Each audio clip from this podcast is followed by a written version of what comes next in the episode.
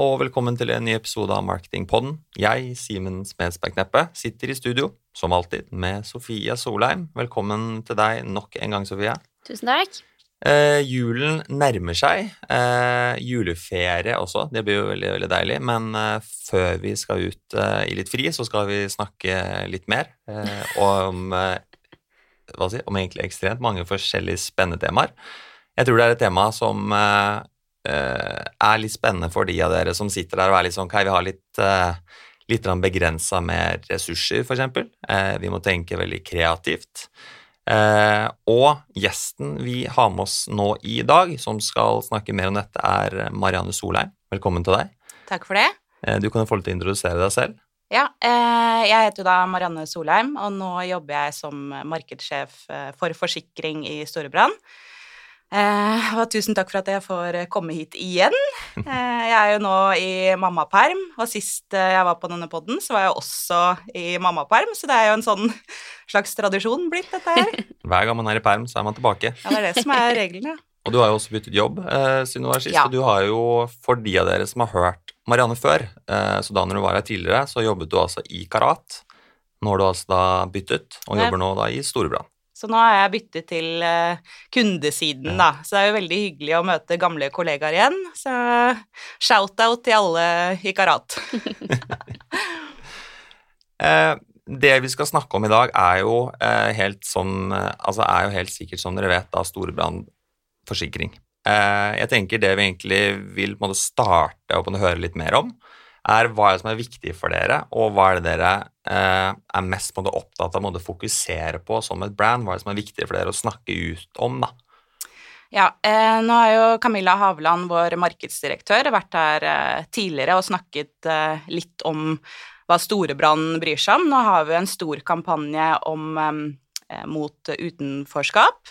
Eh, Så Storebrand er veldig opptatt av både samfunnsansvar og bærekraft. Eh, Og for oss i forsikring så er jo det mest bærekraftige er skaden som aldri skjer.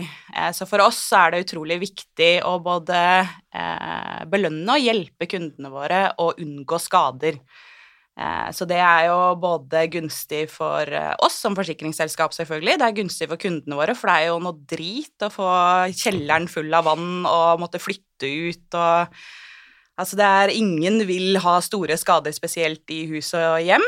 Eh, og det er gunstig for eh, kloden. I dag så skal vi jo snakke litt om noe dere gjorde i sommer som fikk veldig mye oppmerksomhet, eh, nemlig veggdyrkontrollen på Gardermoen, eh, som sikkert veldig mange har fått med seg skjedde. Eh, kan du fortelle litt om dette, og litt om hvordan dere kom på ideen og tanken bak det, da? Eh, ideen kom egentlig som et resultat av både vårt fokus på skadeforebygging og innsikt om folks reisevaner. For nå hadde vi jo, har vi jo hatt to år med, som alle vet, med denne pandemien.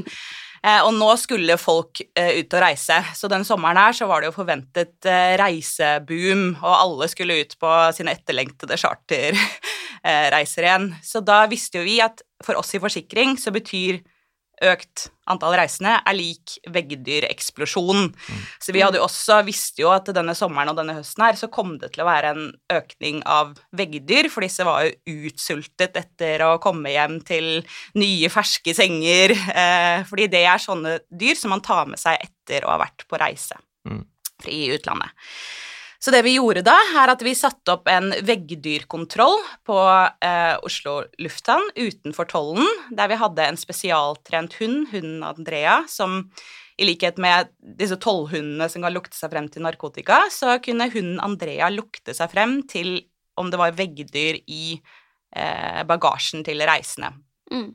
Så vi hadde også da når man gikk av flyet, så hadde vi masse eh, skjermer som kommuniserte at eh, du kan gå innom vår veggdyrkontroll og få sjekket bagasjen, og da snakket faktisk Eller hadde vi bilder av eh, veggdyr eh, som snakket det språket som destinasjonsflyet kom fra, da. Så på engelsk hadde vi et sånn veggdyr med en sånn sixpence eh, som sa 'There's no place like your home'. Så vi hadde også en litt sånn artige løsninger for å få oppmerksomheten til folk når de kom ut fra flyet. Og så, eh, når de gikk gjennom tollen, så da det, kunne de også gå innom vår stand da, for å få sjekket bagasjen. rett og slett eh, kreativ plassering av type modekommunikasjon, eh, og ekstremt målrettet. Eh, og det her er jo også eh, noe dere har eh, vunnet flere priser for. Eh, hva tror du det var som gjorde at det her ble en såpass stor suksess som det faktisk ble? Jeg tror kombinasjonen av innsikten og aktualiteten mm. og med den gode gjennomføringen var eh, grunnen til at vi lykkes. Og vi jobbet også mye egentlig gjennom hele sommeren i å ta ut dette her på en god måte. Så vi brukte både egne kanaler eh, eh, og betalte kanaler. Og så fikk vi ekstremt uh, mye igjen i fortjente kanaler. Mm. Så jeg tror det at vi traff den nerven, uh, og noe som var viktig for folk, gjorde jo at uh, vi fikk synlighet i NRK sine flater, på Dagsrevyen og på radio på Nyhetsmorgen. Vi fikk komme på God morgen Norge på TV 2, og vi så også i sosiale kanaler at dette her er noe som folk virkelig liker og deler og kommenterer og setter pris på og ønsker som et fast eh, innslag på Gardermoen. Og aldri så har jeg egentlig sett utelukkende positive kommentarer på et kommersielt stunt. Så dette mm. her var uh, virkelig noe som, om man kan si det, gikk uh, litt sånn viralt, da. en av grunnene til at vi også tror det gikk såpass bra som det gjorde, er jo fordi uh, ja, vi hadde disse ekle veggdyrene som noen er livredde for å få med seg, men vi hadde også den veldig søte hunden Andrea og det vet vi at det som funker i sosiale kanaler, er søte dyr og søte babyer. Så hvis man har uh, dyr eller babyer å spille på, så er det også et uh, tips til suksess. Det er veldig så, kult. Ja. Og så er det jo eh, helt sikkert må det flere av oss som sitter og tenker at her er det nødt til å ha vært relativt store budsjetter bak for å klare å liksom få til så mye blest. Mm. Kan du si noe om det?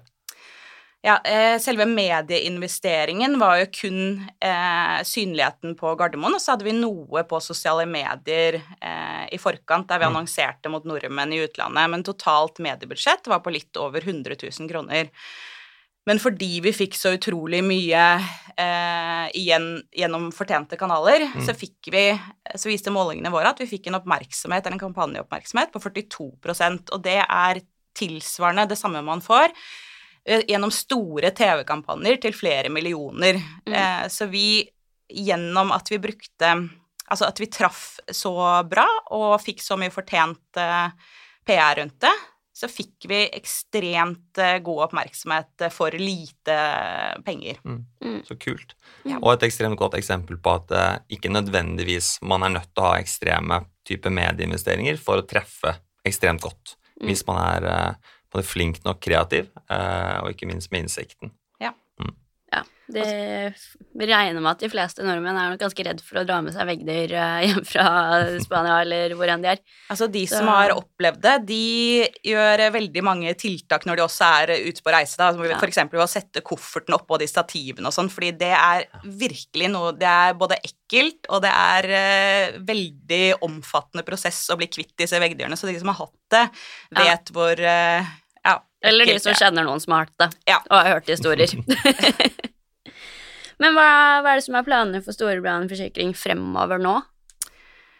Eh, planene for Storebrand forsikring er egentlig vekst. Vi har ekstreme eh, ambisjonsnivåer som eh, vi i markedsavdelingen må levere på. Eh, og vi har også noe begrensede budsjetter i forhold til konkurrentene våre.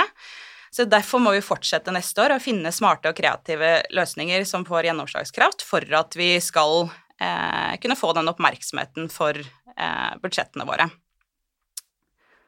Mm.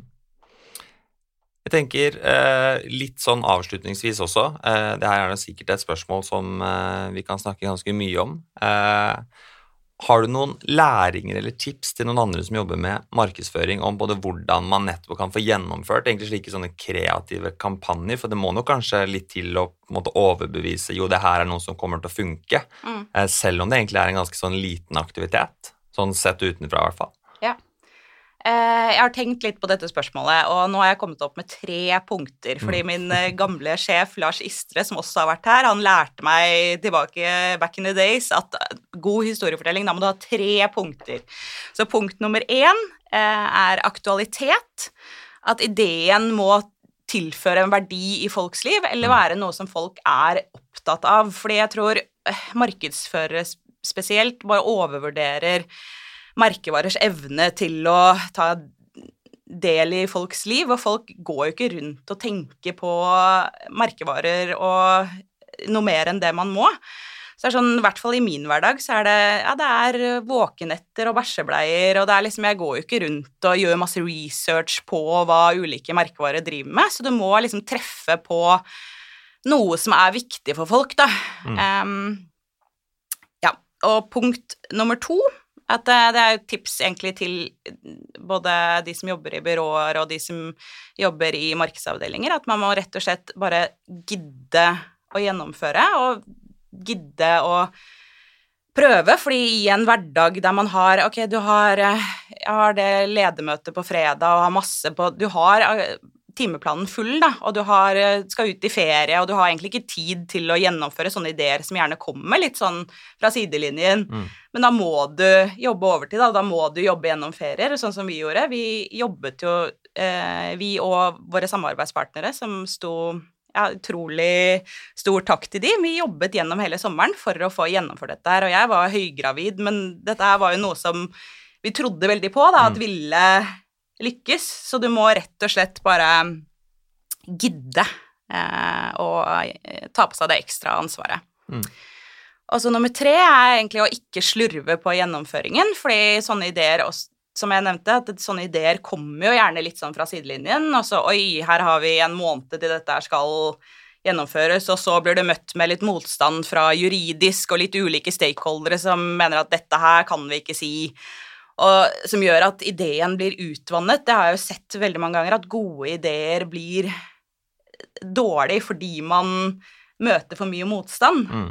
Eh, Så det er viktig å eh, være tro mot ideen og eh, ikke slurve på utførelsen og gjennomføringen. Så det var mine tre punkter. Tre gode tips der. Jeg tenker at eh, vi sier at det var det vi rakk for nå. Eh, Tusen hjertelig takk til deg, Marianne, for at du kunne stille opp. Og jeg tror dette her er eh, litt sånn positiv giv til alle der som kanskje sitter og er litt sånn åh, vi har litt lite penger, eller åh, vi trenger litt gode ideer, hvordan skal vi få det gjennom? Mm. Så ja, så igjen tusen hjertelig takk eh, for at du kunne stille opp, og så sier vi takk for nå. Og så kanskje er det god jul, kanskje ikke. Eh, Hvis ikke, så lyttes vi igjen i hvert fall. Ha det bra. Ha det.